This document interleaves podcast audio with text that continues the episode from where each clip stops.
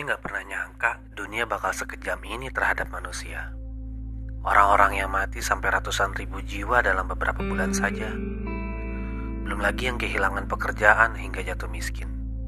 Hari ini gue lihat, hotel-hotel pada tutup, restoran dan kafe juga sepi pengunjung. Eh, uh, apalagi angkringan dan kaki lima ya. Kasihan. Kedatangan COVID-19 seperti menampakkan muka dunia dalam wujud yang berbeda muka dunia yang lebih seram, beringas, dan menakutkan.